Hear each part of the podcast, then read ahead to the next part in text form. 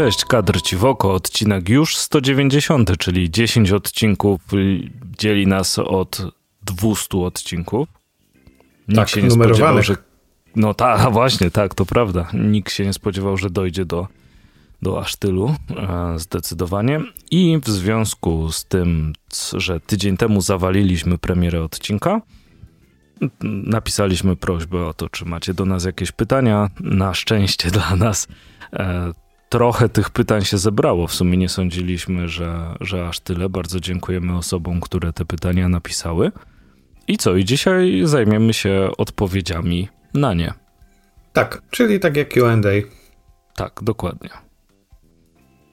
Dobrze. No dobrze. For, formułę przyjęliśmy taką, że będziemy czytać pytania na zmianę i ten, kto czyta, następno odpowiada i tak później się będziemy zmieniać. To co, Andrzej, może zaczniesz pierwsze pytanie?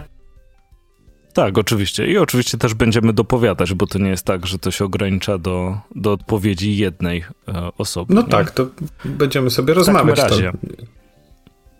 No, no, no, oczywiście. E, bez dygresji to nie byłoby kadr ciwoko. E, Dokładnie. Najdziwniejszy komiks, jaki przeczytaliście pod względem scenariusza i rysunków? Mm, tak na szybko przychodzi mi El Borbach Charlesa Burnsa. A, bardzo no, dziwny komiks. komiks. O, o, wystarczy przespojrzycie na okładkę i jeżeli to wam się nie wyda dziwne, to, to nie wiem co. Pewnie znalazłbym może nawet dziwniejsze rzeczy, ale ten komiks przychodzi mi do głowy jako pierwszy. Y, I ma być z mhm. tego, co kojarzę, wznowiony przez kulturę gniewu, więc, y, więc fajnie. Będziecie się mogli też przekonać, bo to wydanie postu sprzed wielu, wielu lat, jeżeli jeszcze komuś się nie rozpadło, no to są już są rzadkością ale będzie wznowienie, więc e, zobaczycie. A jak to jest u ciebie? Tak, i ta, mi, yy, odnośnie tylko Elborbach mi się zawsze tam podobało to cieniowanie takie hardkorowo mocne. Tak. natomiast yy, ja bym wskazał komiksy Mobiusa, może Garaż Hermetyczny. Mobius, teraz jakby do całej jego mm, twórczości się odnosząc, zawsze mi się podobało to, to, co tworzył, te designy, które projektował, e, a scenariusze były na tyle głębokie, żeby poświęcić im więcej czasu niż po prostu przeczytać. Więc dla mnie to byłby w sumie dowolny e, komiks stworzony przez Mobiusa. Też myślę, że, że jak najbardziej się łapie w kategorii dziwnych komiksów. Dobra, to, to pytanie drugie.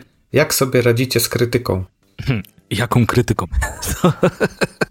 Ciężko sobie radzić, jak nikt ci nic nie komentuje. Raz mieliśmy taki komentarz e, i chyba nigdy już nie znajdę screena z nim, bo on zniknął z YouTube'a.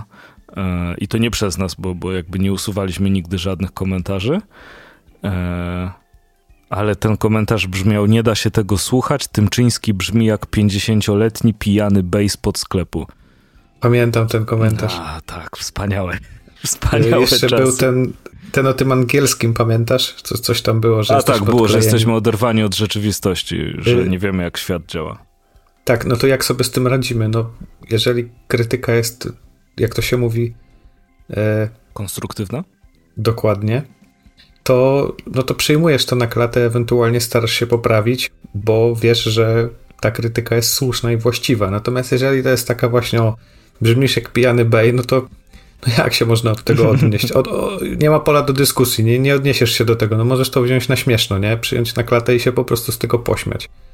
E, ale to pierwsza moja jakby myśl była, no jaka krytyka, to, to rzeczywiście jakaś by się przydała, bo, bo za dużo jej nie ma.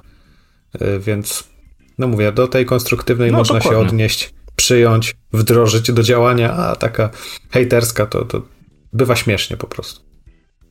Mhm. E, czy waszym zdaniem po sukcesie Bartosza Sztybora, Krzysztofa Ostrowskiego, nagroda Hugo polscy twórcy mają większe szanse na światową karierę? Polscy twórcy nie, ale nagrodzeni autorzy, czyli Sztybor i Ostrowski, jak najbardziej. Często takie nagrody prestiżowe, a Hugo no, jest taką znaną prestiżową nagrodą jednak, to potrafił być booster dla czyjejś kariery. Natomiast, żeby cały naród, jako wszyscy polscy twórcy, to, to nie sądzę. No to ja, ja, się z Tobą zgadzam. Myślę, że to jest po prostu proces, że polscy twórcy są coraz bardziej zauważani e, na jakby światowej arenie, ale no ciężko się będzie przebić. Na, na przykład e, we Francji, jak nie jesteś Francuzem, prawda? Jak nie operujesz tym językiem e, w swojej, jakby od początku, że nie jesteś native speakerem. No I tak. Myślę, że to jest proces, że po prostu to się będzie przebijać i będzie coraz więcej, ale no to, to nie jest naród wybrany. No, Jak będą dobre historie, czy będą dobre rysunki, no to wydaje mi się, że w końcu będzie więcej pracy, bo oczywiście są dobre historie i są dobre rysunki i się nie wychodzi z Polski, albo nawet się w Polsce nie wychodzi ponad pewien poziom, co jest bardzo smutne, ale na, na niektóre rzeczy nie da się wpłynąć. Nie wiem, czy mm, nagroda dla e, Bartka Sztybora, dla Krzysztofa Ostrowskiego no, no nie ma szans, żeby ona wpłynęła na, na, na wszystkich w tym kraju. Dokładnie. Y, kto waszym zdaniem z twórców komiksowych to beztalencie i jego kariera w branży to jedna wielka pomyłka? Mm, nie wiem, czy mogę o kimś tak powiedzieć, czy, czy komukolwiek w twarz bym powiedział, że jest beztalenciem, ale wszystko przed ale nie ma, nie, nie ma znaczenia. Nic by się dla mnie nie zmieniło, jakby Grega Landa nie było w komiksach. Okej. Okay. Myślałem, że padnie to samo nazwisko, ale jednak nie. Co, no, Leaf, no... E, Rob Liefeld, wiadomo, tak. No, tak. gość jest beztalenciem, a jego kariera to moim zdaniem jest pomyłka. No, trafił po prostu w idealnie w te ekstremalne 90sy, ale jak tak na to spojrzeć, no nie wiem, czy da się spojrzeć na to, wiesz, e, obiektywnie, no to, no to nie, no to, to mo, moim zdaniem to jest pomyłka i też nic by się nie stało, gdyby ten gościu nigdy w życiu nie zajął się komiksami. Moje zdanie. Tak, ale wiesz, to przez to, że się zajął, czy coś się stało, też nie. Więc tak naprawdę nie oszukujmy się, to tylko komiksy. Co, co, co najwyżej parę osób poszukał na, na zbiórce i, i tyle. No, a no tak, to, to, to jest jakby, tylko że to jest sprawa, która wiesz, jakby jest przestępstwem w jakiś sposób. Znaczy, no. nie jest według regulaminów pewnie, tak. ale no wiadomo o co chodzi. Mm. Czy zdarza wam się wracać do komiksów sprzed lat, pomimo że one wtedy były słabe, teraz też są, ale mają swój urok komiksu na tak zwany kibel? Mm, tak, są te głównie właśnie komiksy z tych ekstremalnych lat 90. E, były wtedy słabe, teraz są słabe, ale jednak czasami lubię do nich e, wrócić. Bardzo rzadko, ale jednak. E, więc tak, no, zdarza się wracać. No to ja mam podobnie jak ty, to, to, to się zdarza właśnie, ale raczej przy, przy to były rzeczy, tak. które nie dotyczyły takiego prostszych tematów, mniej y, zaangażowanych na przykład, no to, to, to wracam. Chociaż szczerze, e, bardzo często wolę albo przeczytać coś, co lubiłem, albo przeczytać coś nowego, niż wracać do średniaka. Tak, to, to głównie wiesz, sentyment też, nie? Mhm. Jak długie przerwy w komiksowym hobby zdarzały się wam w życiu z wy, chyba literówka, z powodów finansowych czy innych? E, no na pewno co najmniej kilkuletnia w okresie, kiedy nie było semików, a uważałem, że Mandragora jest za droga. E, no więc myślę, że tak od podstawówki do prawie że końca liceum mało czytałem komiksów. To u mnie było podobnie. Yy, a, a potem właśnie... no to taką przerwę też, nie? Klasyczną. No, yy, no dokładnie, miałem, miałem podobnie jak ty. Czy teraz ja czytam, ty czytasz, zgubiłem się, stary. Teraz, teraz ty czytasz. Czy zdarzyło wam się zniszczyć komiks, bo jego twórca okazał się być na przykład homofobem? Nie zdarzyło mi się i chyba nie mam takich komiksów w ogóle. Wiem, że parę takich komiksów u nas wyszło, ale ja takich nie mam. Ale też nawet starając się trochę to pytanie odwrócić, czy gdyby na przykład, nie wiem, okazało się, że teraz Stan Sakai popełniłby jakieś straszne rzeczy albo okazałby się jakimś strasznym homofobem, to czy nagle bym zniszczył albo wyrzucił swoją kolekcję komiksów z Usagiem? No nie sądzę. Jednak e, ciężko się pracuje, żeby te pieniądze zarobić, a później je wydać i tak po prostu to zniszczyć, jaki by to miało sens. Może ewentualnie, wiesz, jakoś publicznie, jako jakiś manifest, no to tak. Ale tak po prostu, że we własnym domowym zaciszu wydałeś na coś pieniądze, a potem to niszczysz, no nie, szukałbym raczej jakiegoś innego rozwiązania. Mhm. To, to, to się z tobą zgadzam, jakby nie zdarzyło mi się zniszczyć komiksu celowo. Oczywiście zdarzyło mi się zniszczyć komiks y, niecelowo, zwłaszcza jako dzieciak, jak na przykład zapomniałem, że leży na łóżku. Mhm. Tak. To, to nie raz. E, czy przejechać krzesłem e, od biurka po komiksie też mi się oczywiście zdarzyło. E, ale tak jak mówisz, takie publiczne niszczenie komiksu może jako właśnie forma manifestu miałoby sens. Ja też mam duży problem z oddzieleniem mm, dzieła od twórcy, więc prawdopodobnie mm, sprzedałbym te komiksy albo Gdzieś jeśli oddał, bym nie, nie był tak, tak, tak, dokładnie. No bo na, nadal, nadal to są komiksy, czyjaś praca, jakiś papier. No szkoda z tego zrobić śmieci. Wiadomo, zupełnie inaczej by było, jeśli ten komiks byłby o takiej tematyce, e, żeby mi nie odpowiadała. Co, co było za bez sensu słowo? Żeby mi nie odpowiadała światopoglądowo, ale wtedy by się po prostu nie znalazł w moich rękach. E, no prawdopodobnie właśnie. na stałe. A co do jeszcze niszczenia komiksów, to mi się zdarzyło chyba dwukrotnie podczas otwierania paczki z zamówieniem. Gdy otwierałem, wiesz, rozcinałem taśmę skalpelem i zdarzyło mi się chyba z dwa razy gdzieś tam delikatnie naciąć jakąś obwolutę czy coś. No ale to z własnej mm -hmm. No to ja Dobra. kiedyś miałem foliki na komiksy, te takie tanie, z, e, pamiętasz z tą? z takim kawałkiem taśmy. Mhm, mhm. Wiem, które. To takie no to sobie parę, parę, razy przylepiłem do komiksu to. A, to klasyka. Przy wyciąganiu, przy chowaniu, to wiesz. Tak, tak. To... Dobrze. Jaki komiks, komiksy są waszymi perłami w kolekcji? To jest trudne pytanie, ale powiem. Pierwsze wydanie Życia i Czasów Sknerusa McQuacza e, w Polsce, dlatego że ten komiks został e, zalany, e, przeżył nie wiem ile wyjazdów wakacyjnych i jest dla mnie bardzo, bardzo ważnym komiksem. E, I o czym będę wspominał też trochę, a nie, to odpowiem w innym pytaniu z, zresztą, e, ale chyba mm, to. Mam drugi szmaragdowy świt e, w zeszytach, to też jest taka moja perełka. Black Adam Dark Ages, bardzo też lubię tą serię i mam kolekcjonerskie wydanie Muminków, to które zbiera wszystkie w jednym tomie. O proszę.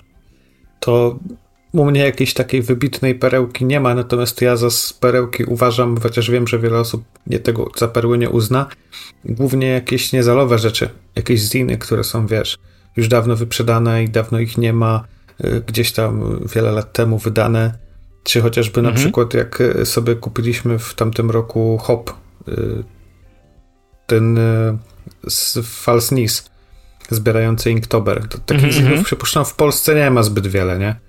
E, myślę, że dużo osób nie zamawiało u autora i nie sprowadzało z Kanady, tak jak my, więc e, tego typu rzeczy to są bardziej szpan, dla mnie szpan. takie perełki, nie?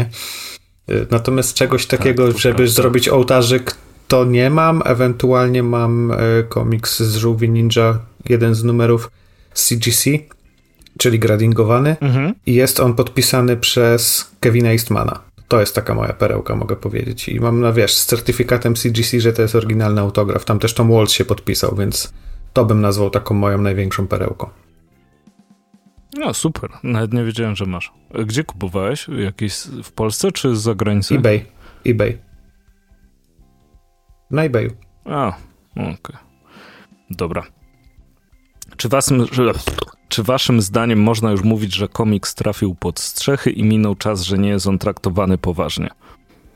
Mm, nie uważam, żeby to jeszcze minęło, ale jest dużo lepiej niż parę lat temu i jakby powoli, powoli takie podejście jak dawniej już odchodzi. Ale to jeszcze nie jest ten czas, kiedy bym powiedział, że trafił powszechnie pod strzechy i że wszędzie już jest traktowany poważnie. To, to jeszcze trochę do tego brakuje. Ale jest myślę, że coraz lepiej.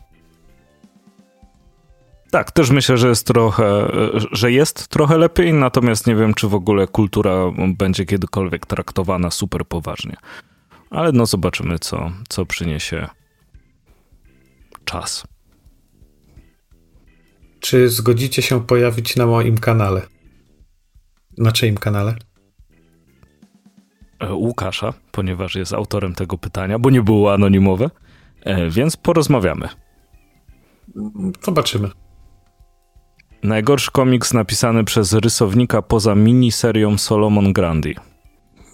O człowieku. Y, Rob Liefeld powraca. No, jakby nie było tego Solomon Grandi, to bym bardzo łatwo mógł odpowiedzieć. Tak.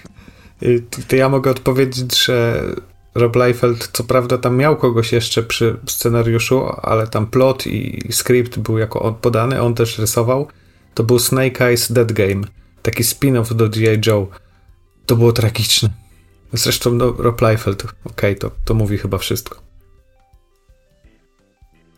E, ja tutaj nie umiem wskazać takiego mm, jednego, natomiast bardzo często, może kłamie, jeśli chodzi o bardzo często.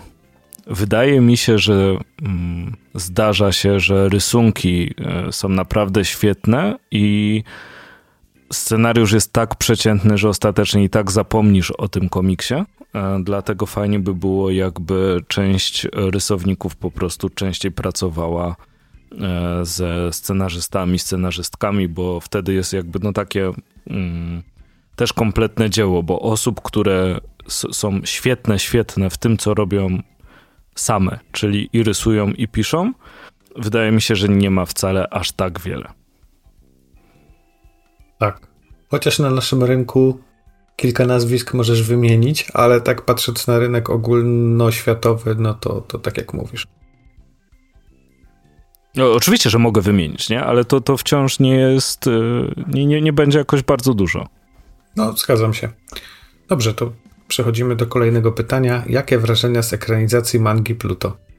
Nie wiem, bo nie widziałem. To ja Czyli tak samo. Żadne. Nie, widziałem, więc wiem, że ta manga doczekała się ekranizacji. Wiem, że mangę wydaje u nas Hanami, jeżeli dobrze kojarzę, ale nie czytałem, nie widziałem, więc no, nie mogę się wypowiedzieć. Czy planujecie kiedyś wydać swój własny komiks, napisać, narysować? No ja już mogę powiedzieć, że mam to za sobą, bo jakiś tam mój komiks się ukazał, jakieś tam się tworzą i są są tworzone na zasadzie będą kiedy będą. Może nie będą nigdy, a może za kilka lat, a może za kilka tygodni, tego nie wie nikt. Natomiast no ja swój komiksowy debiut już mam Nawet za sobą. Mateusz? Y, tak, de debiutowałem w Zine Tanku Łukasza Kowalczuka. To jest taka inicjatywa, która zbierała kilka zinów i gratisów, dodatków w jednym pudełeczku. I razem z Tom Ksyzem zrobiliśmy komiks Admiral Eaglehawk i skrzeczący, skrzeczący szwadron. Tak. Tak było, to prawda. Nawet mam ten komiks. No proszę. No a ty, Andrzej, planujesz? tak chciałbym. Scenariusz mam napisany. kilka osób nawet czytało ten scenariusz. Wprowadziłem. E, o, mogę to odhaczyć. Wprowadziłem poprawki. Dziękuję Łukaszu Kowalczuku za, za, za, te poprawki, które się tam zdarzyły, ale co się e, z nim stanie, no to mam nadzieję, że kiedyś powstanie. No my z Andrzejem to możemy tylko pisać, bo rysować to raczej nie potrafimy. Znaczy Andrzej lepiej niż ja, no. ale ale, no, ale wciąż się, nie jest to poziom, w którym no. No właśnie. Tak, no, no smutny pytanie. temat, dobra, idziemy dalej, bo to nie będzie. Co jest największym plusem i minusem przy komiksowym podcastowaniu? Największym plusem jest to, że możesz sobie z kimś po prostu pogadać, podzielić się pasją i że nawet jest ktoś, kto chce w takim w sumie niszowym gronie tego posłuchać, e, to to jest zawsze miłe.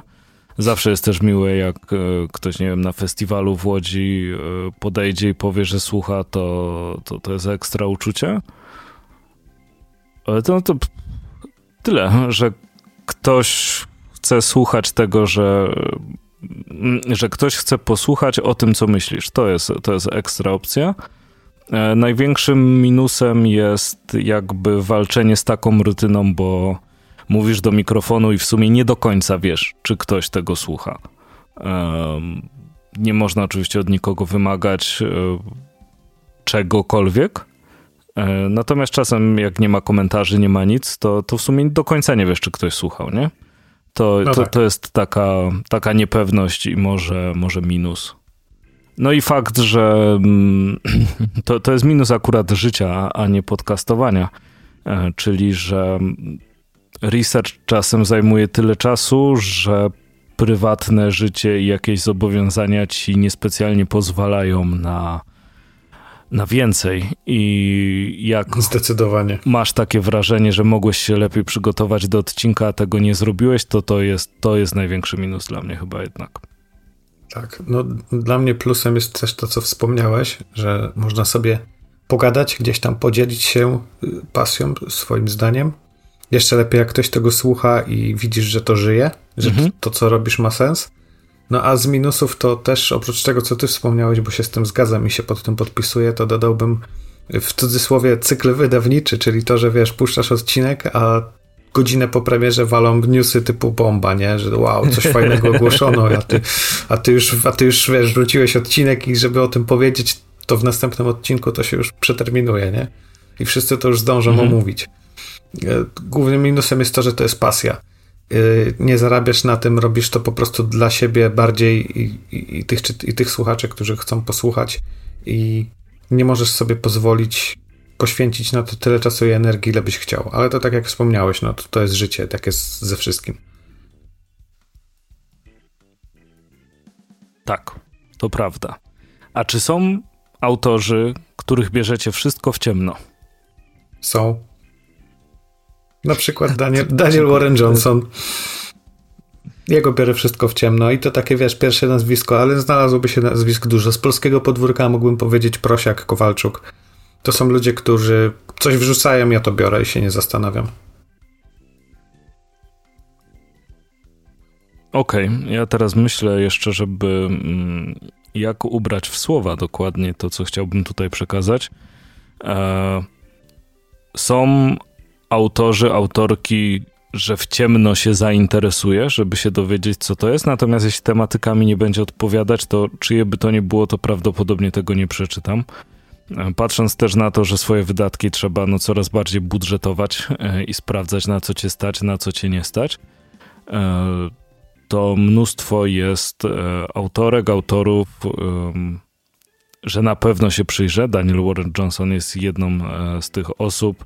Prosiak jest jedną z tych osób, oczywiście Łukasz Kowalczuk. Wszystko, co Falaukę robi, czyli do tej pory nowy komiks, ten, który jest w kulturze gniewu, czy, czy wszystko smakuje, te wcześniejsze ziny o aspektach śmierci, e, to bardzo się chętnie przyglądam całej tej scenie mm, zinowej. To też jest coś, czemu, czemu się bardzo e, przyglądam. No i nie powiem, że sięgam po wszystko zawsze, ale zawsze mnie interesuje, co się ukazuje. Mhm. E, do jakich komiksowych komiksów, przepraszam, do jakich komiksów zdarza się wam wracać regularnie? Jakie komiksy są waszymi ulubionymi, ukochanymi, ale właśnie nie wracacie do nich zbyt często? No w sumie dwa pytania. W sumie dwa pytania. E, lubię wracać do ranu Jeffa Jonesa w Zielonej Latarni. E, lubię wracać do Długiego Halloween i Headlopera. E, uwielbiam komiksy Willa Eisnera o mieście. Czy to był Nowy Jork, czy tam też e, Umowa z Bogiem, E, czy trzeci, zapomniałem tytułu, Życie w obrazkach? Tak, na przykład. Uwielbiam te komiksy, nie pamiętam kiedy je czytałem ostatni raz. I bardzo dużo komiksów, które wywarły na mnie dość duże wrażenie. I to wrażenie jest nadal tak żywe, że jakby chyba nie czuję potrzeby, żeby, żeby do tego wracać. Te, które wymieniłem e, jako mm, to, do czego często się wraca, to jest dla mnie trochę taki fast food, że robisz to z przyjemności, żeby poprawić sobie humor i tak dalej, ale to są komiksy, no może długie Halloween jest trochę bardziej ambitne, ale mm, to są komiksy, które sprawiają mi po prostu przyjemność to jest czysta rozrywka i do tego sobie wracam. E, natomiast komiksy, które wywarły w, na mnie bardzo duże wrażenie pod kątem, nie wiem, czy podejmowanej tematyki, czy e, jakby jakiejś dyskusji moralnej, mm, to prawdopodobnie mam tak wyryte w pamięci, że nie wracam do nich już często. No, rozumiem, bo u mnie jest podobnie. Ja sobie często wracam regularnie właśnie do komiksów gdzieś tam z dzieciństwa, które jakoś tam ukształtowały to moje komiksowe czytelnictwo. Jakieś tam, wiesz, Asterixy. Yy, lubię wracać do Lobo, ostatniego Czarniana, bo to za czasów, kiedy on wychodził, to ja dosłownie zaczytałem ten mój egzemplarz na Amen. A teraz mam mhm. to wydanie z DC Deluxe i, i sobie czasami je lubię przekartkować i sobie powspominać. Y, lubię Justice League Ziemia 2, które też u nas Fan Media wydało. Y, to drugi z komiksów z tamtych lat, który też po prostu zaczytałem. Natomiast serii, które lubię, ale nie wracam do nich zbyt często, to właśnie y, Długie Halloween, czy, czy te ulubione ongoingi, przepraszam, nie ongoingi, tylko Elseworldy albo jakieś takie, wiesz, one-shoty.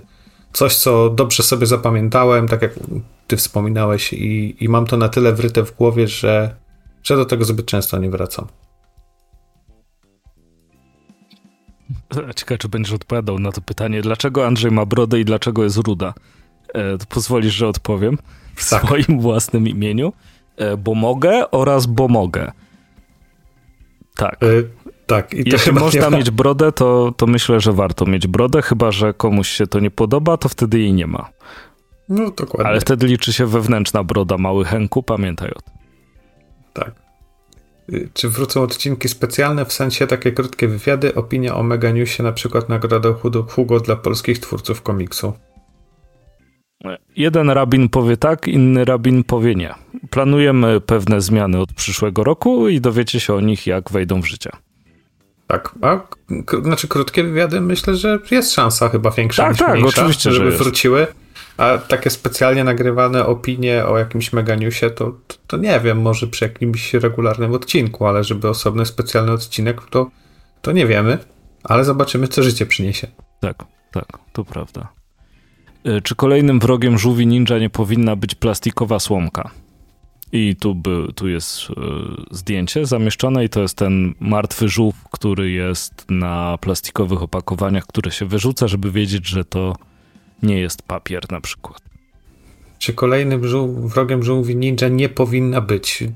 Nie wiem, czy powinna, czy nie powinna, ale totalnie to widzę. Wiesz, taka zmutowana słomka plastikowa, przecież w żółwiach ninja wszystko jest możliwe. Czy, czy nawet gdyby zrobić jakiegoś one-shota, który miałby być elementem kampanii na rzecz, wiesz, sprzeciwienia się zatruwaniu środowiska morskiego plastikowymi odpadami. Totalnie to widzę i to jest totalnie możliwe. Czy tak będzie, czy tak powinno być, to już zależy od twórców, ale myślę, że w świecie żółwi ninja to nic nie jest niemożliwe. Tak, jak im się skończą zwierzęta, to w pewnym momencie mogą sięgnąć po przedmioty do mutowania, więc to no, długa droga by przed nami jeszcze była. Tak. Dajcie znać, jak nowy tytuł odjęli studio damy znać, jak przeczytamy. Ale przywiozłem z Łodzi, więc no. Tak, cierpliwości.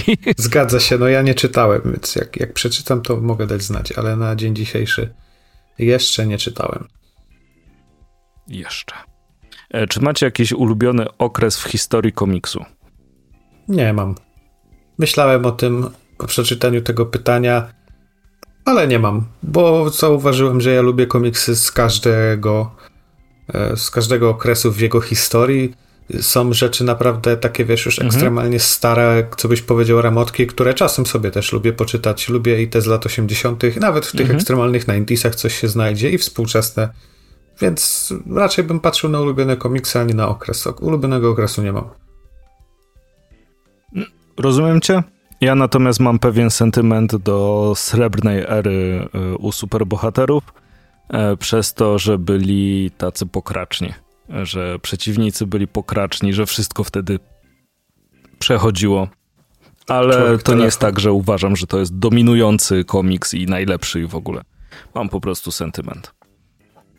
Czy ceny nowych komiksów nie ograniczą znacząco rozwój rynku, mhm. gdyż próg wejścia w to hobby jest zbyt wysoki? Bardzo ciężkie do. Mm, odpowiedzenia w jeden sposób. E, dlatego, że moim zdaniem nie, bo to zawsze było drogie.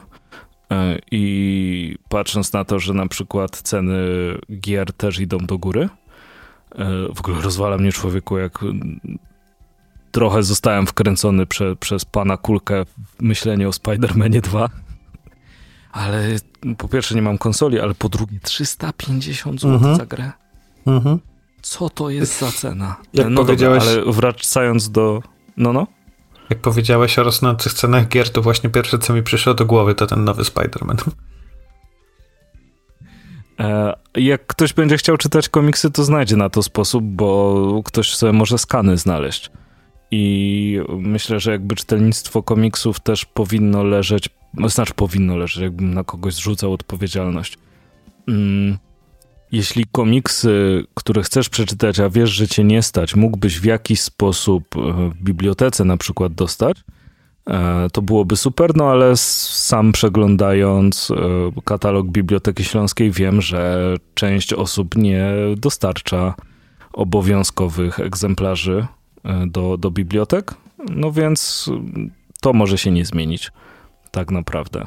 Myślę, że częściowo, niektóre tytuły będą bardziej problematyczne w dostaniu i mniej osób je przeczyta i może mniejszy nakład przez to będzie musiał być, ale zawsze ktoś kupi. Skoro jakimś cudem ktoś y, ciągle kupuje żbika po, po tylu latach, to mm, myślę, że to nadal będzie wychodzić. Tego Torgala w takiej specjalnej wersji, ona też kosztowała jakieś grube pieniądze, nie? Tak. 500-600 zł, coś koło tego chyba. 600 zł. Ale nie pamiętam, bo, bo ja nie jestem targetem. Natomiast y, jeżeli mogę już na pytanie odpowiedzieć, to no oczywiście. E, czy ceny nowych komiksów nie ograniczą znacząco rozwój rynku? Nie ograniczą. E, zobaczcie, po podnoszeniu cen komiksów trąbimy już od dobrych dwóch lat w podcaście i to się dzieje i jakoś powstają nowe wydawnictwa typu nagle i wydają rzeczy, których nikt inny wcześniej nie chciał ruszyć. Więc czy to jest rozwój rynku? Tak. Czy to jest jakoś ograniczone? No jak widać nie.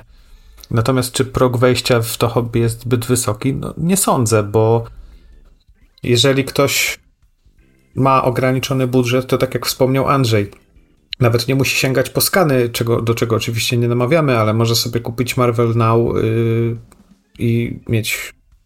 Nie, nie Marvel Now, przepraszam, Marvel Unlimited. Czy jakąś inną platformę mhm. cyfrową i będzie sobie czytał cyfrę, będzie chodził do bibliotek, będzie pożyczał od kolegów, koleżanek, yy, ewentualnie będzie kupował tylko to, co go najbardziej interesuje. I po prostu tak ograniczy swoje wydatki, więc te najbardziej chodliwe, w cudzysłowie, komiksy, tytuły będą nadal sprzedawane. Najwyżej wydawcy ograniczą trochę swoją ofertę, najwyżej ograniczą nakłady, czy skupią się tylko na tych najlepszych tytułach, na tych pewniakach, ale czy jakoś to bardzo rynek nam ograniczy, no nie sądzę. No właśnie, albo tak samo można skorzystać z Manga Plusa, za którego już można płacić, bo tam się pojawił abonament, ale nadal można za darmo czytać. Więc zawsze, zawsze jest jakaś opcja, e, żeby, żeby sobie to ogarnąć. Mm. No, zobaczcie, ile imprez Na polskim teraz... rynku wyszło. Z... Tak, Chciałem no, tylko no, dodać, no, że zobaczcie, ile imprez się dzieje i z tego, co się słyszy, to jest dużo lepsza frekwencja niż rok temu, więc nie, nie wydaje mi się, żeby ceny jakoś ograniczyły rozwój rynku. Może nie w takiej formie jak teraz, wiesz, kto wie, co by się stało, gdyby jeszcze bardziej wzrosły do takiego już naprawdę nieakceptowanego poziomu ale to myślę wydawcy by po prostu nie szli w to. Prędzej jakiś wydawca nie wydałby danego komiksu, niż gdyby miał go wydać, ale sceną jakąś mm. tam, wiesz, zaporową, nie? Wydawcy też no, nie tak. są głupi. Wiadomo. E, jakby byli, to by się nie utrzymywali, albo robili preorder na coś, co nie wyjdzie. na, przykład. I się nie utrzymali. E, dobra, na polskim rynku wyszło sporo komiksowego dobra, ale czy jest coś jeszcze, co chcielibyście zobaczyć po polsku? Chodzi mi o tytuł, raczej nie superhero. No, jest, znajdzie się trochę rzeczy. Y, jak tak patrzę na swoją półkę, to y, widzę Tomasz Sielego, y, biografię Jacka Kirby'ego. Całkiem spoko komiks mógłby, mógłby zostać wydany po polsku. Jest jeszcze kilka tytułów z Image, które mam. Humans na przykład Ghost Fleet, które mogłyby spokojnie wyjść po polsku. Znajdzie się coś na pewno. No nie będę rzucał tytułami, mógłbym, ale jest jeszcze kolejne pytanie o jakieś ulubione chyba komiksy, czy, czy najlepsze komiksy tego roku. No to to są rzeczy, które spokojnie mogłyby po polsku wyjść. Dobra, to ja będę rzucał tytułem, bo nie mam ich dużo. E, zawsze chciałem, żeby się ukazało Action Philosophers, bo by mogło wypełnić lukę po strasznej historii, która była bardzo fajną serią od Egmontu.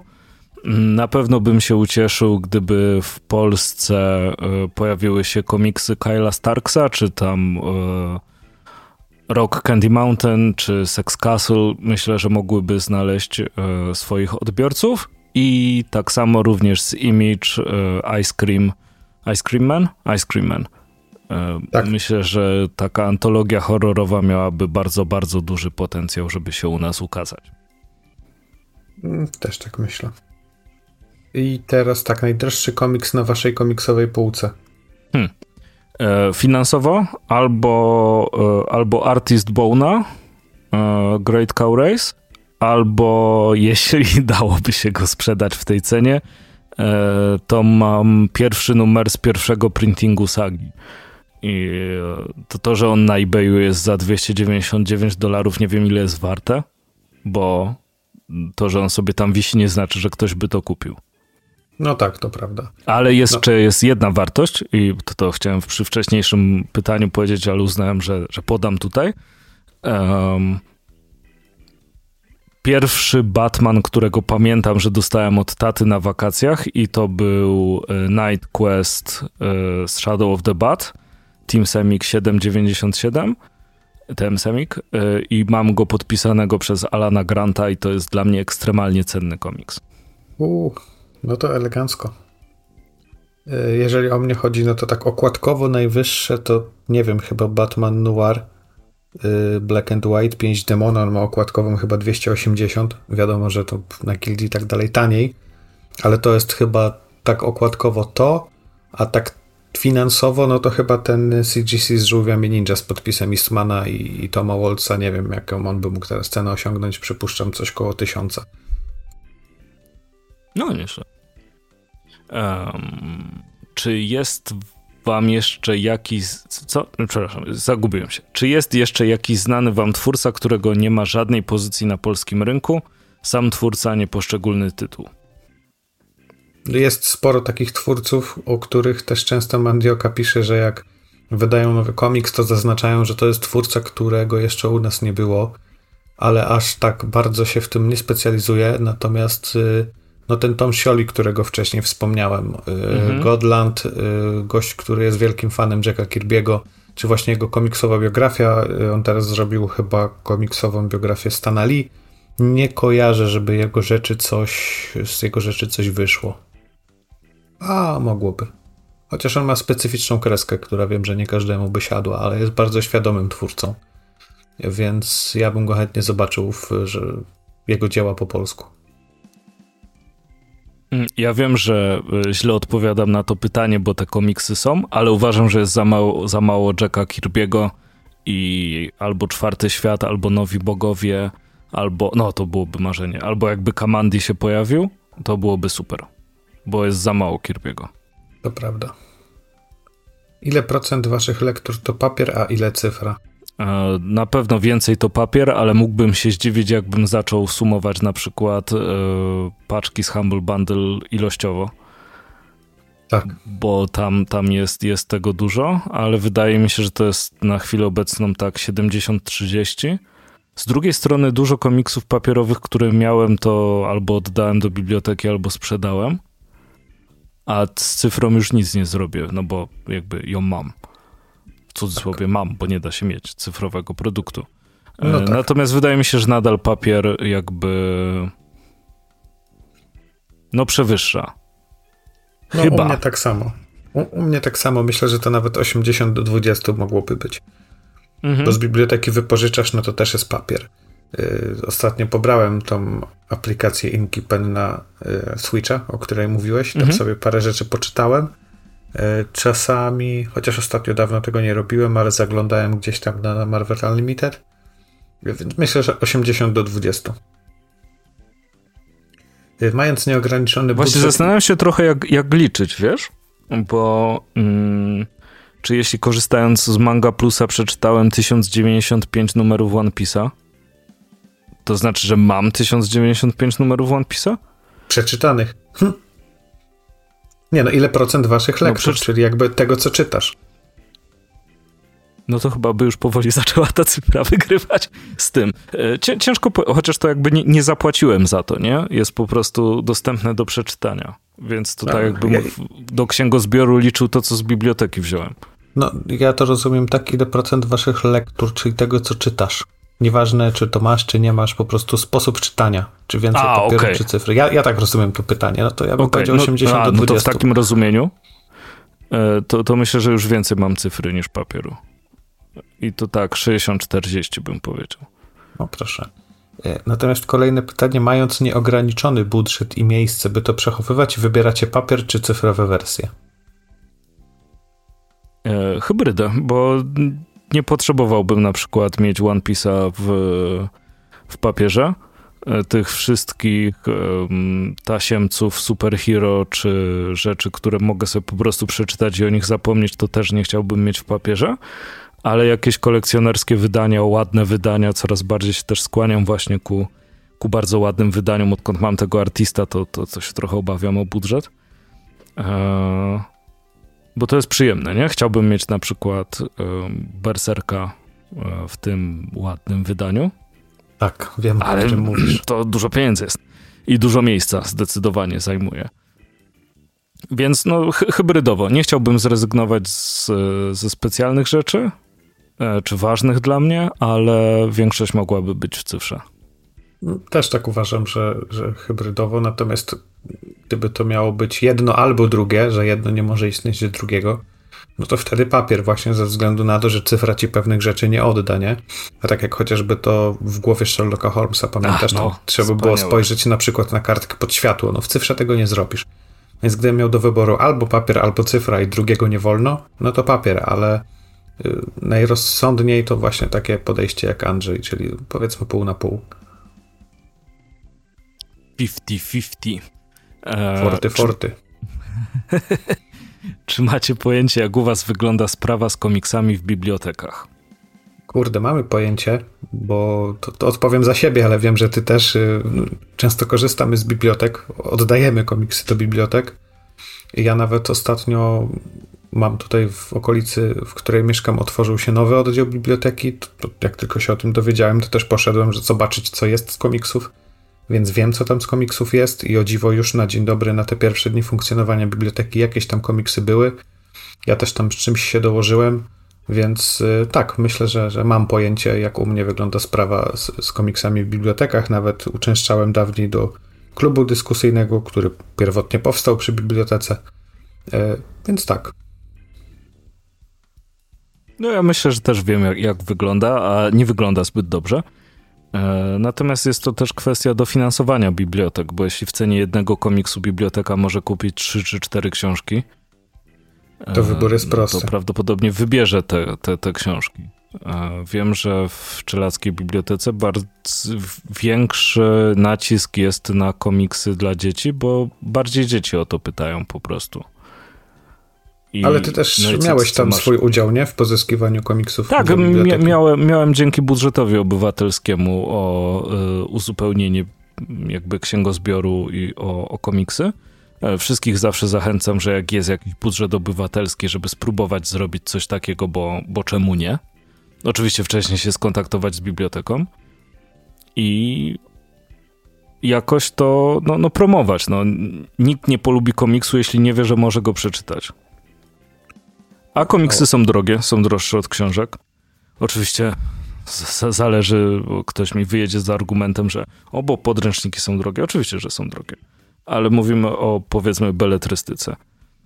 No tak, zdecydowanie. Jak masz, wiesz, komiks teraz 150-160 okładkowej, to mhm. nie jest dzisiaj już nic dziwnego. Natomiast y, taka książka, jakiś kryminał czy coś, to tam jest okładkowa 45-50 zł. No to masz, tak jak wspomniałeś, jeden do trzech. To jak mhm. możesz kupić trzy książki albo jeden komiks, no to. No to prawdopodobnie więcej kryminałów zostanie wypożyczonych niż, niż tego komiksu. No dokładnie. Którą ekranizację komiksu nie superhero chętnie byście oglądnęli? E, bez znaczenia uważam, że problemem komiksów, filmów i gier jest ciągnięcie starych rzeczy i brak umożliwienia e, zaprezentowania czegoś nowego. Więc wolałbym oryginalny film niż adaptację czegokolwiek. Y, bo ja rozumiem, że chodzi tutaj, że chcielibyśmy zobaczyć coś, czego jeszcze nie było. Tak, tak, tak myślę. No, mi się marzy animacja w jakimś naprawdę wizualnie odjechanym stylu Usagiego.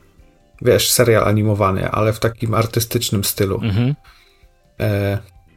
Czyli coś jak Mutant Mayhem. Oczywiście nie w stylu Mutant Mayhem, tak. ale że też odstający od normy. Bardziej, nawet mhm. bym powiedział, że bardziej w stylu Okami.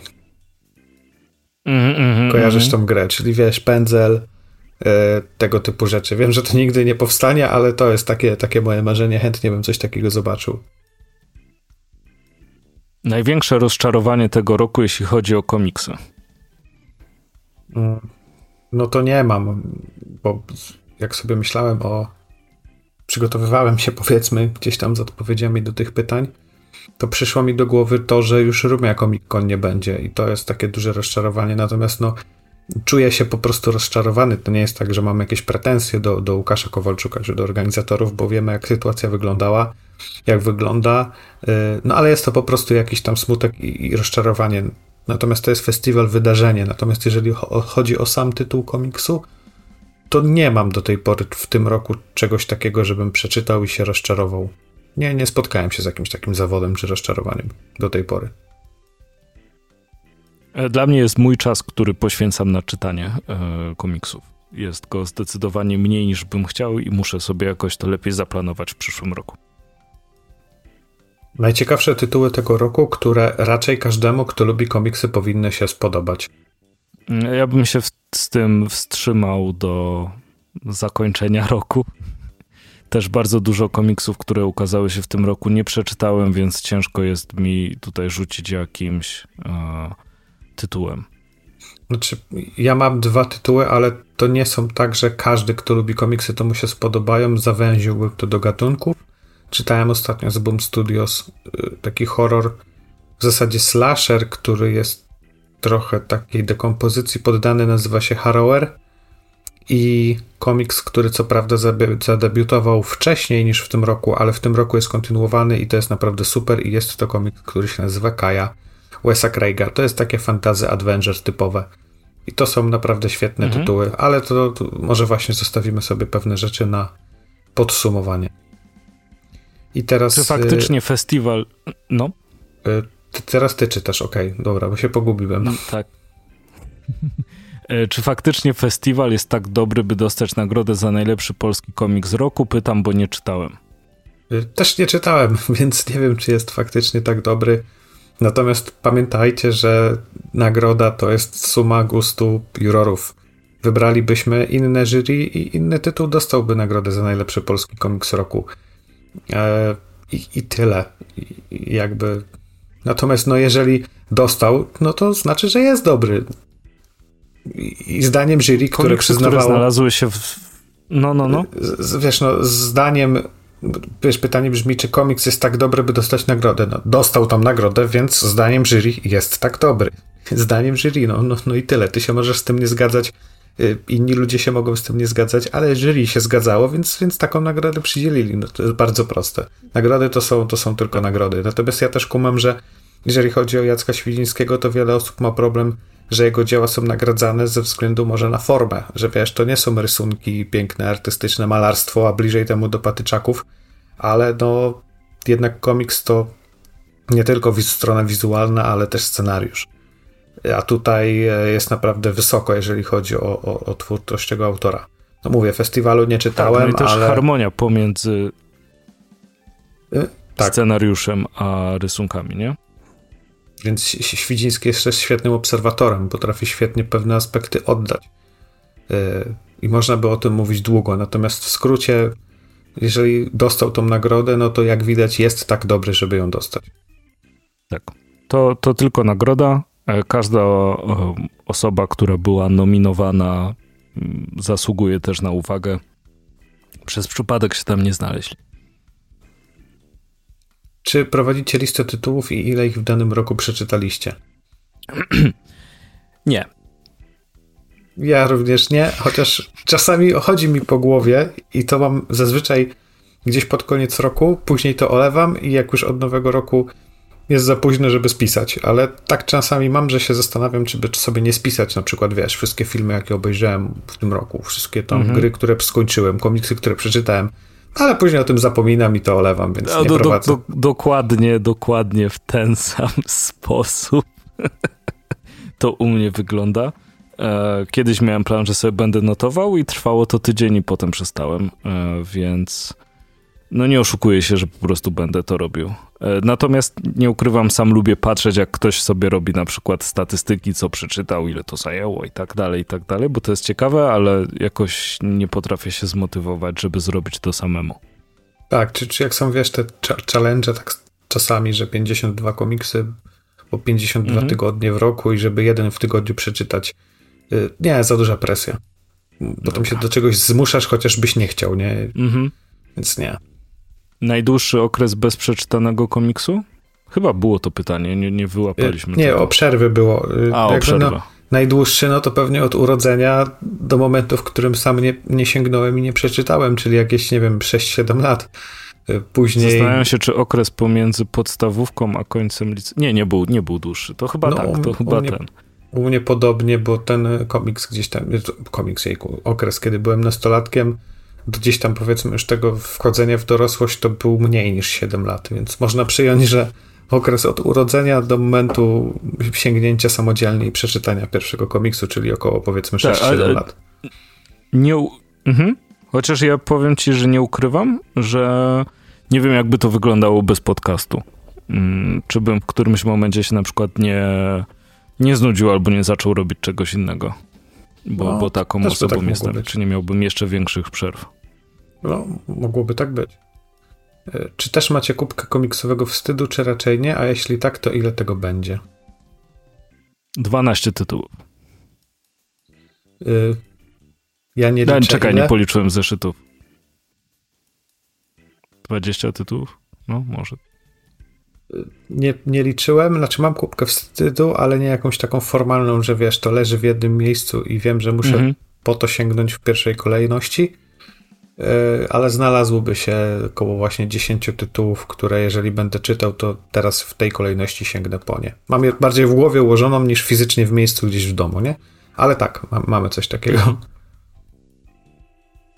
Jakie komiksy polecilibyście osobie, która uważa, że komiksowe medium to rozrywka niskich lotów? Myślę, że komiksy z gatunku Slice of Life, czyli takie żyćko, rzeczy od Pakoroki na przykład. Chociaż przychodzi mi też do głowy przygody Stasia i Złej Nogi z Pela, bo to jest taki komiks, mhm. który jest poważny, jest momentami smutny czy wręcz brutalny, traktuje o problemach, które nawet jeżeli ty ich nie masz, to one gdzieś tam są, bo mogą być za ścianą u sąsiada i tak dalej. Mhm. E, a natomiast superhero to nawet taki All-Star Superman mi przychodzi do głowy. E, o, no więc jest, no. znalazłoby się kilka takich tytułów. Ja bym powiedział, że to zależy e, od tego, czego dana osoba jakby poszukuje, bo jeśli ktoś szuka tylko i wyłącznie rozrywki, to poleciłbym inne tytuły niż osobie, która szuka czegoś ambitnego. E, to, co powiedziałeś o e, komiksy, które tworzy Paco Roca, to zdecydowanie jest, jest dobry trop. E, berserka każdemu, kto jakby pod tą przykrywką akcji i brutalności jest, jest gotowy na ciężką moralną rozkminę. Wspaniały komiks. Komiksy Willa Eisnera, to, o których już wspominałem wcześniej w odcinku, uważam za, za, za świetne i też przez to, że są trochę antologiami, łatwiej jest je czytać, bo możesz się oderwać po prostu e, w każdym momencie, bo to tam 3-4 strony przeczytasz i koniec. Dla mnie trochę takim komiksem jest Day Tripper, e, ponieważ chyba nie znam nikogo, komu się tak naprawdę nie podobał Day Tripper. A znalazłoby się parę osób. E, to nie w gronie moich znajomych. Chyba, że w gronie moich znajomych, a o tym nie wiem. Na przykład. Mateusz? Nie, ja lubię, ale znam. No, okay. Ja lubię osobiście, ale nie, żebym był jakoś, wiesz, wielbicielem. No nie, ale znam, nie, znam osoby, chodzi. które uważają, że jest po prostu przegadany. No okej, okay, no być może. Wiesz, chodziłem regularnie na y, spotkania klubu komiksowego, gdzie ścierały się naprawdę odmienne opinie, o które byś nie posądził, że można mieć. I to jest w sumie spoko, nie? Bo na tym polega klub dyskusyjny. Tak, tak, no ciekawe. Co innego, jakby Jasne. się, wiesz, wszyscy zbierali i pisali laurkę, nie? I bili peany na rzecz mhm. jakiegoś komiksu. Natomiast jeżeli te zdania są odmienne, no to też y, jest ciekawsze. Natomiast no tak, znam takie osoby, które, które twierdzą, że Day Tripper jest przegadany. No. No to no, musimy z tym żyć, że są osoby, które tak No każdy ma, każdy ma swoje zdanie, nie? Tak, oczywiście to wiesz, wszystko, wszystko dla jajec oczywiście mówię, e, bo, bo nadal to tylko komiks, ale uważam, że, że, że może się podobać i w, e, oprócz Stasia i Złej Nogi, o której ty mówiłeś, to dla mnie takim komiksem byłaby Wauma od KRL-a. Zdecydowanie. Myślę, że takich tytułów e, znalazłoby się naprawdę dużo, ale ja raczej przyjąłem taką postawę, żeby mówić o tym, co mi przychodzi do głowy w pierwszej kolejności. Mhm, mhm. Ale może kiedyś nagramy o tym odcinek. Może to jest jakiś, jakiś trop. No. Y, to teraz tak, jakie są wasze ulubione duety scenarzysta-rysownik i jakie duety tego typu najbardziej chcielibyście zobaczyć w przyszłości i w nawiasie i może też w jakim gatunku settingu uniwersum? Dobra, e, pominę ten nawias, dlatego że gatunek setting uniwersum e, przy tych nazwiskach albo sam się wyklaruje, albo po prostu chciałbym zobaczyć te nazwiska, co wymyślą. E, bardzo lubię duet, który nigdy już nie ujrzy światła dziennego oczywiście, bo to był e, Lep i Sale. Okej, okay, mam to samo. I mimo, że Lep e, jakby jak sam jest scenarzystą, to jest tak Okej, okay, no dobra, tam zrobił. Okay. Natomiast w duecie z Sale... O, o rana, ale ja lubię te komiksy po prostu, które oni tak. robili. E, to, to, to jest naprawdę ich szczytowe osiągnięcie. Znaczy Team Sale to w ogóle był, był król. Król, król. O, to prawda. E, go, Gosini Uderzo, mm, ponieważ A. Gosini pisał dużo komiksów, dużo bardzo fajnych komiksów, ale poziom... E, w którym pisał razem z e, Uderzo, to dla mnie jest top gościnnego, go, Gosiniego. Już tak. mówię po polsku gościnny. E, bo lubię Lucky Luki, na przykład Gosiniego, oczywiście. E, I z Noguda już tak średnio, tak naprawdę, z perspektywy czasu, jak próbowałem go sobie czytać.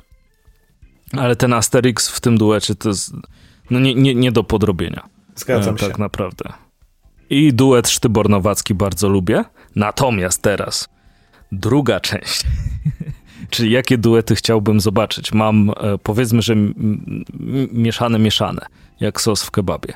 E, bardzo chciałbym zobaczyć, wiem, że te rysunki nie będą, więc w, zawarstwę scenariuszową e, od pana Tadeusza Baranowskiego z rysunkami Piotra Nowackiego bardzo chciałbym zobaczyć.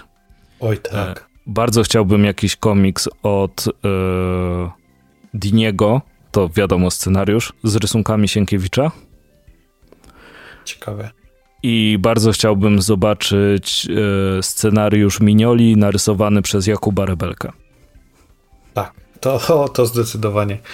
E, natomiast odpowiadając na pytanie, to jakby zgadzam się z twoimi wyborami. U mnie zresztą Lop i Sale się powtarza, bo zarówno dla Marvela tą tetralogię kolorów to jest taka, wiesz, ikona, pyk, pomnik i zawsze mhm. się o tym pamięta i wspomina. Tak tutaj mamy długie Halloween, więc to są, no to są solidne solidne kolumny, nie wiem jak to mam inaczej nazwać, fundamenty, no fundamenty to może nie, ale to są solidne dzieła, monumenty, o których e, zawsze wszyscy wspominają, pamiętają i to jest świetny duet, który zapisał, zapisał się z złotymi zgłoskami ale mam też takie duety jak Brubaker i Phillips, czyli ludzie, którzy się też dobrze znają i od wielu lat dostarczają nam świetne kryminały, e, które ja uwielbiam. Mm -hmm. Poza tym lubię jeszcze noir, więc e, tutaj zaćmienie, fade out, no fantastyczna rzecz. E, I z polskiego podwórka Leśniak Skarżycki. E, skompletowałem sobie teraz piątym tomem to wydanie Jerza Jerzego. Tymek i Mistrz już od dawna na półce to jest taki jeden z bardziej znanych naszych tutaj rodzimych duetów. E, które lubię. I a takich, które chciałbym zobaczyć, to nie wiem, w sumie musiałbym trochę dłużej pomyśleć, e, ale nie mam chyba nic takiego. Bardzo się podpisuję pod tym, co ty powiedziałeś. E, szczególnie ten no, Rebelka Dominioli, no to byłoby złoto, nie? I ogólnie wiesz, no, więcej rebelki, nie? Mhm. Tak, wie, więcej rebelki to, to bardzo dobry w ogóle postulat, żeby, żeby, żeby mieć. Mm, najgorszy komiks, który przeczytałeś to? Y, Batman i Spawn McFarlane'a i Franka Millera. Przecież to jest. To przychodzi mi pierwsze do głowy, jak taką wiesz, pięścią w twarz. Y, jest tak beznadziejny, tak tragiczny i tak zły komiks, że. O Jezu, aż, aż ciarki dostaje takiej, wiesz, wstrętu na samą myśl. No, Też no, no. tragedia. To posłuchaj tego. Punisher Eminem. Tak, o nie. To, to jest. Tak. Aż przypomniałeś. To, to naprawdę jest chyba jeden z najgorszych komiksów, jakie w życiu czytałem. Ja już go wyparłem o, z pamięci. Tak, tak. Bo, bo, bo, jest tak nijaki, a jednocześnie tak zły, e, że nie powinno się po prostu robić takich rzeczy. I rozumiem, że chciał, chcieli sprzedać i tak dalej, ale to jest wstyd. I no bardzo, bardzo przykre doświadczenie nie róbcie sobie tego i nie czytajcie po prostu tak. Tego, nawet nie googlujcie, żeby się w trendach nie pojawił na Google. Dokładnie. Że nagle sześć osób szukało tak. pani Szereminem, to najwięcej w historii. Po prostu. Nie, nie, tragiczny komiks. Po, pod każdym względem. Rysunkowo nijaki, scenariuszowo żenujący. Tak. E, z jakim żyjącym i z jakim nieżyjącym twórcą czynią chcielibyście przeprowadzić wywiad do KCWO?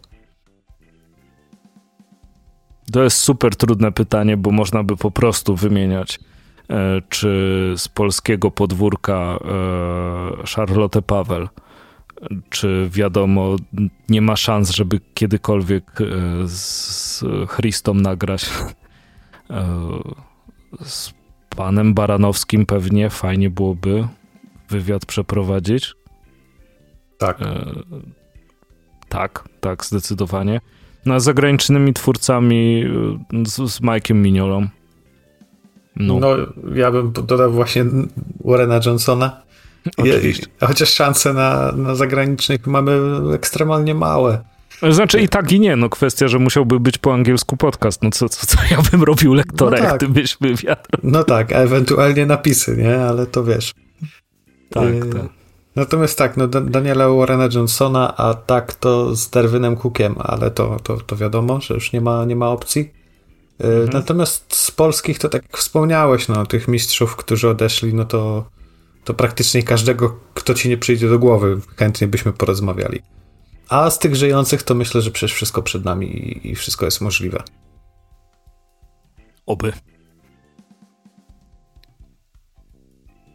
Teraz ty czytasz jak coś? Aha, to przepraszam. Jakie komiksy powszechnie nielubiane wy lubicie? Batman Hash. E, to ja też bym tak mógł powiedzieć, bo, bo nie jest taki zły, jak się e, po nim często jeździ. Natomiast... Nie jest w żaden sposób wybitny i nie zmienił postaci Mrocznego Rycerza i tak dalej. Nie pamiętam, który komiks oprócz Van Halloween i Zabójczego Żartu to zrobił, ale to jest po prostu takim czytadłem, nie? Mroczny Rycerz. I trochę ten tak, dla mnie ten klimat Scooby-Doo, że nie, że to tak naprawdę to byłeś ty, a nie, bo to byłeś ty. I wszyscy w tym płaszczu nagle i każdy był podejrzany i w ogóle Red Hood, nie wiadomo czy ktoś tam, Jim Gordon, czy Jim Gordon jest haszem? Jezus Maria? Niby, że o, jest nowy przeciwnik Batmana, hmm, ciekawe. A to jest stary przyjaciel Batmana, który pierwszy raz się pojawia w tym komiksie. Mm, tak. Ciekawe. Dokładnie. Ja, ja mam też. To pro... będzie tym złym. No, domyślmy się. Ja, ja mam problem z, z, z uświadomieniem sobie, jaki komiks jest powszechnie nielubiany. Y, bo nie wiem, no często się, wiesz, ciśnie po tych komiksach z lat 90., to co już dzisiaj wielokrotnie wspominaliśmy, te ekstremalne 90sy, ale jednak dużo ludzi ma do nich sentyment i je lubi w jakiś tam sposób, więc nie wiem, czy one są powszechnie nielubiane. Lubię jakieś tam niektóre wybrane, czy właśnie jak ten Lobo, którego wspomniałem. Zdarzają się jakieś tam od, yy, pojedyncze zeszyty, czy, czy wydarzenia gdzieś tam z X-Menów. Ja lubię na przykład yy, Maximum Carnage, które się strasznie zestarzało. mhm. ale czytałem za dzieciaka w TM Semiku i, i jakieś tam wrażenie to na mnie zrobiło i powiedzmy, że mogę go, mogę uznać, że ten komiks lubię. E, nie uważam go za dobry komiks, ale go lubię, to trzeba rozdzielić. A wydaje mi się, że on jest powszechnie nielubiany, bo nawet teraz wyszedł chyba w tym Epic Spider-Manie od Egmontu. Teraz chyba właśnie wyszedł ten rzeź maksymalna i jest zjeżdżany, ludzie po nim jadą, więc jeżeli uznamy, że Maximum Carnage jest powszechnie nielubianym komiksem, to ja mogę powiedzieć, że ten komiks lubię. Jest tak dobry, I jest tak zły, że aż dobry. No. dotarliśmy no. do ostatniego pytania. Tak, pytań było 40. Już, już, już, spokojnie. Za wszystkie dziękujemy. Tak, pytań było 40. Tak. Mam nadzieję, że nasze odpowiedzi też Was satysfakcjonują na te pytania. I dzięki, że nas słuchaliście. Słyszymy się za dwa tygodnie. Tak, do usłyszenia. Cześć.